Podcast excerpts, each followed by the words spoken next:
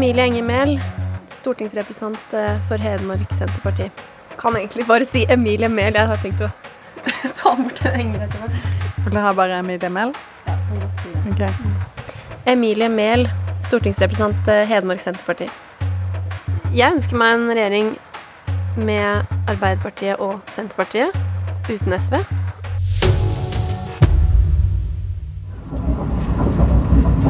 Det er neppe tilfeldig at Emilie Mehl fra Senterpartiet foreslo gården på Åsnes Finnskog som en passende lokasjon for dagens sommerkvarter. Reisen går i etapper. Et forsinket tog, en nokså tom buss. Hei. Var en til Elverum? En stykk? Egentlig bor hun her, på Elverum. Det er også her jobben som advokatfullmektig venter på henne. Men en times kjøretur unna ligger familiegården. Hei. Takk. Greit å vente. Ja, det gikk fint, det. Så bra. Det, det var egentlig bare deilig. Ja, så bra. Nå kjører vi min Mazda, så den uh, har jeg hatt i et års tid. Veldig fornøyd. Her får jeg plass til alt jeg trenger for å overleve en uke. så bagasjerommet er konstant fullt av uh, ja, diverse klær og ting og tang som jeg har med meg rundt på nå som det er valgkamp eller eh, ellers, da, når det er mye farting. I fire år har Mehl representert de hedmarkske skogene og folket som bor rundt dem, på Stortinget. Da hun ble valgt inn som 23-åring i 2017, var hun blant de aller yngste. Nå stiller hun til valg på nytt. Ja, her ser du en potetåker på høyre side f.eks. Eller begge sider av veien, for så vidt. Så det Hvis man ser seg om, så er det jo i hjertet av hvor veldig mye av det vi har på middagstallerkenen, blir produsert. da. Like ved ligger Flisa trykkeri, som har trykket 25 tonn valgkampmateriell for Senterpartiet. For Mehl er det meste av det vi ser på veien, del av et politisk argument. I sommer har hun kjørt den grå Mazdaen sin rundt i hele fylket for å besøke velgere. Jeg har vært i Alvdal, Tynset, Os, Engerdal eh, og vært eh, egentlig så langt nord du kommer i, i fylket, da. I Hedmark, eller gamle Hedmark. Hva er det du har gjort eh, der, da? Nå er jo veldig Altså nå er det en veldig prekær eh, rovdyrsituasjon i eh, Nord-Østerdal. Og Hva betyr en prekær rovdyrsituasjon?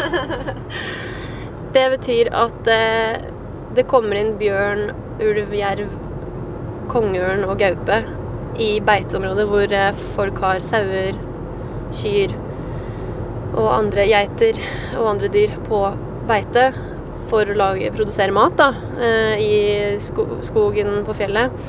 Eh, Så kommer det rovdyr inn eh, i de områdene og tar beitedyret. Og det skyldes at, at høyreregjeringa som styrer nå, da, har, har gjort at vi har fått veldig store, økte bestander av alle de store rovdyrene.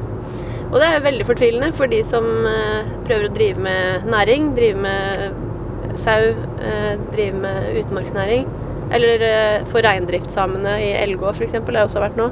Hvor de prøver å forvalte både en kulturarv og produsere reinskjøtt da, i Femundsmarka.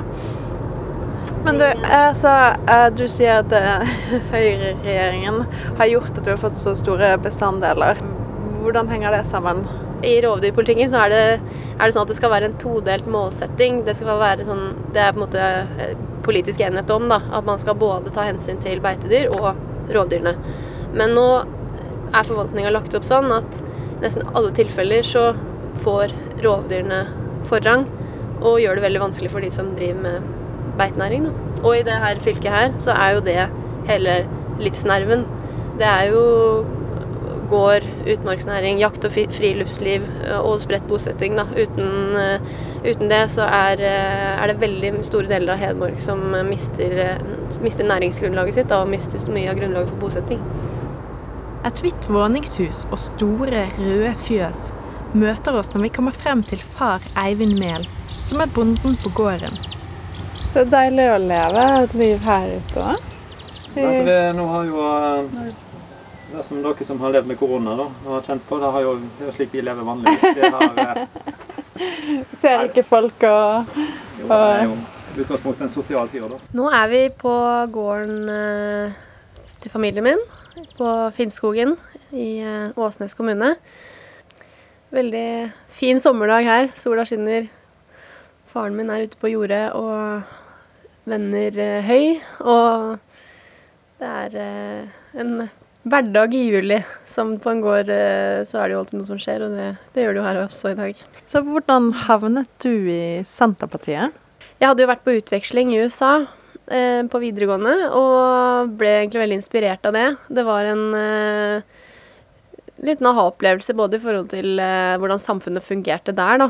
Eh, mange sosiale utfordringer som, eh, som jeg så der. Og, og eh, også det at eh, det var veldig mye fokus på skolen, egentlig, til å engasjere seg. Eh, bruke tida på noe sånn samfunnsengasjement. Og når jeg kom tilbake til Norge for å ta siste år på videregående, så hadde jeg jo veldig lyst til å gjøre det her, da. Og da tenkte jeg at det å prøve politikk, det jeg må jo være gøy, fordi det er eh, der beslutninger tas. Og satte meg rett og slett ned og gjorde en ganske grundig jobb med å sette meg inn i de forskjellige programmene. Og for meg så ble jo valget av Senterpartiet et verdivalg den gangen. Det som var veldig viktig for meg den gangen, det var at jeg hadde familie over ganske store deler av Norge. Eh, Jeg har eh, moren min i Østfold, og så hadde jeg faren min i Hedmark, og besteforeldre bodde i Akershus og i Hordaland. Og de hadde forskjellige yrkesbakgrunner. eh, Noen jobba, noen andre var utenfor arbeidslivet. Det var sånn mange som jeg var glad i, som hadde veldig forskjellig bakgrunn og livssituasjon. Og så var det for meg viktig at hvordan kan man styre politikk sånn at eh, folk kan ha det best mulig samtidig, uansett hvor de bor i landet. Grunnen til at vi sitter her og snakker sammen nå, er jo fordi du har eh, lyst til å ta en ny periode på Stortinget. Hvorfor har du lyst til det? Jeg mener Senterpartiet virkelig trengs. Vi eh, vil ha et land hvor man kan bo både langs kysten og i eh, bygdene i Innlandet, Hedmark og Oppland. Men skal eh, Norge ha kontorer, f.eks. lensmannskontorer, skattekontorer, eh, ulike tjenester, litt sånn uansett om det lønner seg eh, eller ikke? Når det, altså lønner seg i form av at det er mange nok som bruker den til at eh, det ikke blir så dyrt å drifte det? Når man sentraliserer f.eks. Eh, Hva mener du med sentraliserer, egentlig? For det er jo noe som vi har hørt, eh, i hvert fall de som har sett litt på TV og lest litt aviser det siste året, har hørt eh, Trygve Slagsvold Vedum bruke ordet sentralisering i annenhver setning omtrent. Eh, men hva, hva, hva ligger egentlig i det, liksom? Det er jo når man legger ned tilbud eh, som folk trenger der de bor. Eh, eksempel, det kan jo være bank, det kan være Nav-kontoret, det kan være polititjenestekontoret. Eh, og flytter det til større byer. Flytter det lenger unna av hverdagen i distriktene spesielt. Men også, man ser jo det samme i Oslo, hvor eh, f.eks. Eh, politiet da, ikke har politiposter rundt i bydelene som de tidligere har hatt. Som andre ord, spørsmålet er skal man ha det hvis det ikke lønner seg, disse lokale tjenestene? Spørsmålet er hvem det lønner seg for. Fordi at eh, når eh, staten og Erna Solberg legger ned f.eks. en politistasjon, så trenger folk fortsatt å besøke politiet, og da må folk sjøl betale for å reise lenger til politiet. Eller hvis eh, det skjer en ulykke eller noe annet som gjør at politiet må komme dit, da, og så kommer de ikke, da må f.eks. brannvesenet eh, stille opp isteden, og da må kommunene betale for det det å mene at man skal ta hele landet i bruk, det er jo noe som favner egentlig alle politiske områder. Men er det noen i politikken som er uenige i at eh, det skal bo folk i hele landet, og at eh, vi skal bruke de ressursene vi har? Har dere egentlig noen reelle motstandere på akkurat det? Ja, vi har jo Man må jo se på hva partiene gjør. Og Senterpartiet mener jo at eh, både vi må ha tilbud og utvikling i hele Norge, og, og at eh, folket skal styre eh, denne utviklinga. Og hvis man ser på hva Høyre har gjort, så har de jo f.eks. innført en sentraliserende politireform. De har innført en helseforetaksmodell for å styre sykehusene, som gjør at eh, sykehus ikke er demokratisk styrt i det hele tatt. Det, Den var vel Ap som eh, foreslo i sin tid. Ja, det er jo også noe som Arbeiderpartiet har vært med på. Så, og de har eh, lagt ned utdanningstilbud i distriktene. F.eks. man ser på Nesna, hvor man har lagt ned høyskolen der, som er kjernen i lokalsamfunnet. Nå har de foreslått å legge ned sykehuset på Elverum, som er det nærmeste sykehuset fra her vi sitter nå, og som vil gå hardt utover hele den regionen vi er i. Og, og Senterpartiet mener at man må styre på en annen måte. Hvem er det som er vennene deres da i politikken? Senterpartiet går til valg på vår egen politikk. Og La meg gjette en Arbeiderparti- og Senterparti-basert regjering. ja, hvis, eh, hvis vi får tillit, så håper jeg at vi får tillit til å sitte i en regjering sammen med Arbeiderpartiet. Å regjere med Arbeiderpartiet er den drømmen senterpartister bærer på i disse sommermånedene. Senterpartiet frir ikke til flere. For Senterpartiet er det helt uaktuelt å samarbeide med MDG og Rødt. Og så vil jo velgernes eh, stemmer Det er jo ikke en stemme som er avgitt, men det vil jo avgjøre hva slags styrkeforhold da, det blir mellom, eh, mellom alle partiene på Stortinget, og hvem som eh, kommer over sperregrensa. Og så må vi ta regjeringsforhandlinger etter det. Men det er jo Hva med SV, da? Jeg ønsker meg en regjering med Arbeiderpartiet og Senterpartiet, uten SV. Og så må vi se om vi får tillit i valget til å gjøre det mulig. Og så er det òg viktig å ha med seg at vi har også lang tradisjon i Norge for å ha mindretallsregjeringer. Sånn at eh, det er mange ulike kombinasjoner eh, som kan skje etter valget, og det blir bare spekulasjon og synes om det på forhånd. Snakkes det litt i Senterpartiet om å samarbeide mot, eh, mer mot sentrum og høyresiden? Høyre har ført en politikk de siste årene. Ja, det var ikke det jeg spurte om. Jeg, jeg, jeg prøver å svare spørsmålet ditt. Eh, Se om du klarer å starte setningen uten å begynne med ordet Høyre. De siste åtte årene har Høyre Nei da. Nei, men poenget er at det, det ville vært umulig, sånn som politikken er akkurat nå, i mine øyne, da, eh, å skulle se for seg et samarbeid med Høyre om to måneder. Fordi at eh, Høyre har ført en helt annen politikk. De har ikke lytta til folk. De har sentralisert eh, masse. og ønsker den utviklinga, som er helt motsatt av den vi ønsker. Så hvordan vi skulle funnet felles grunnlag for en regjeringsplattform om to måneder, det klarer jeg ikke helt å se for meg. Men Men er ikke Senterpartiet verdimessig og til dels ideologisk eh, et litt eh, Her blåser det i notatblokken min.